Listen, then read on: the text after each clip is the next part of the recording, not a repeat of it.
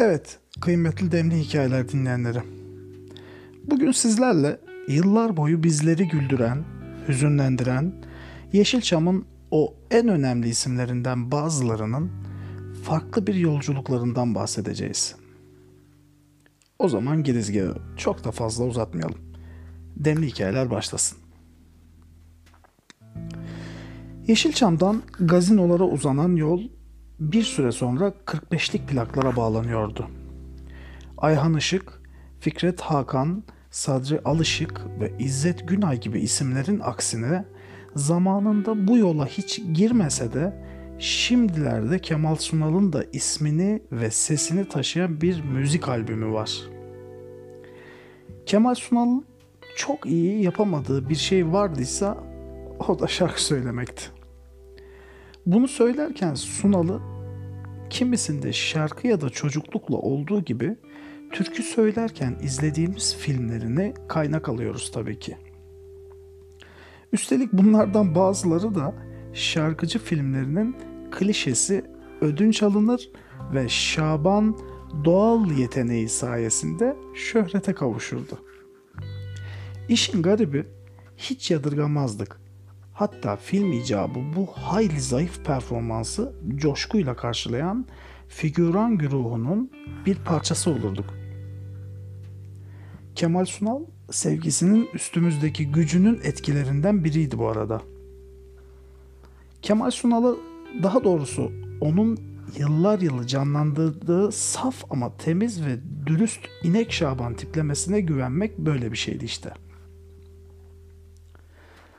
Kemal Sunal türküleri 1944-2000 ismini taşıyan albüm büyük komedyenin filmlerinden montajlanan şarkılı, türkülü kısımlarının bir araya getirilmesiyle oluşturuldu. Her eserde gözünün önüne ister istemez filmle ilgili sahneler geliyordu. İçeriye eklenen Özdemir Erdoğan'ın Gurbeti ve Bora Ayanoğlu'nun Yunus'una rağmen albümün öyle fazla bir müzikal değeri yoktu. Ama nostaljik değerinin paha biçilmez olduğunu söyleyebiliriz. Kemal Sunal gibi toplumsal belleğimizde yer etmiş büyük bir aktörün ardından yapılabileceklerin ne yazık ki en küçüğü bu albümdü. Gazinocular daha büyük miktarlarda paranın kokusunu aldıklarından Ajda Pekkan, Hülya Koçyiğit, Fatma Girik, Filiz Akın ve Neriman Köksal gibi sinema yıldızları transfer ederek gazino sahnelerine prim yapmaya amaçlıyorlardı. Furya'nın aktrislerle sınırlı kalması elbette mümkün değildi. Yeşilçam'ın jönleri birer birer sahne ışıkları altındaki sas heyetlerinin önünde yerlerini alıyorlardı. Öztürk Serengil, İzzet Günay, Sadri Alışık, Fikret Hakan, Ekrem Bora, Vahi Öz ve yıllar önce şarkıcılık yapan aktörleri ağır biçimde tenkit etmesine rağmen Ayhan Işık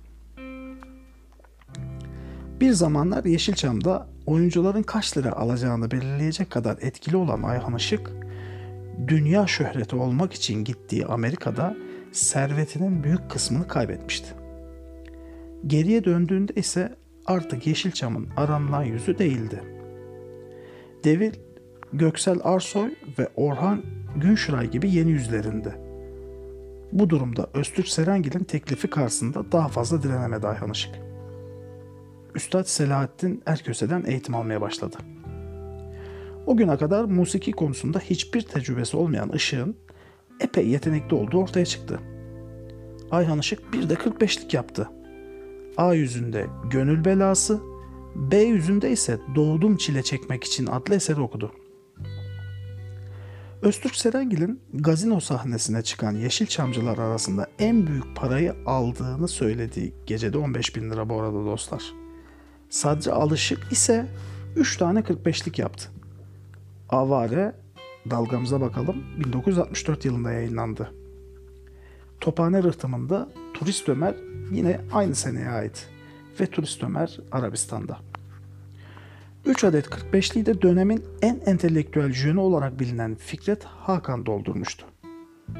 Cemo dedikleri gerçek imiş 1972 yılına ait.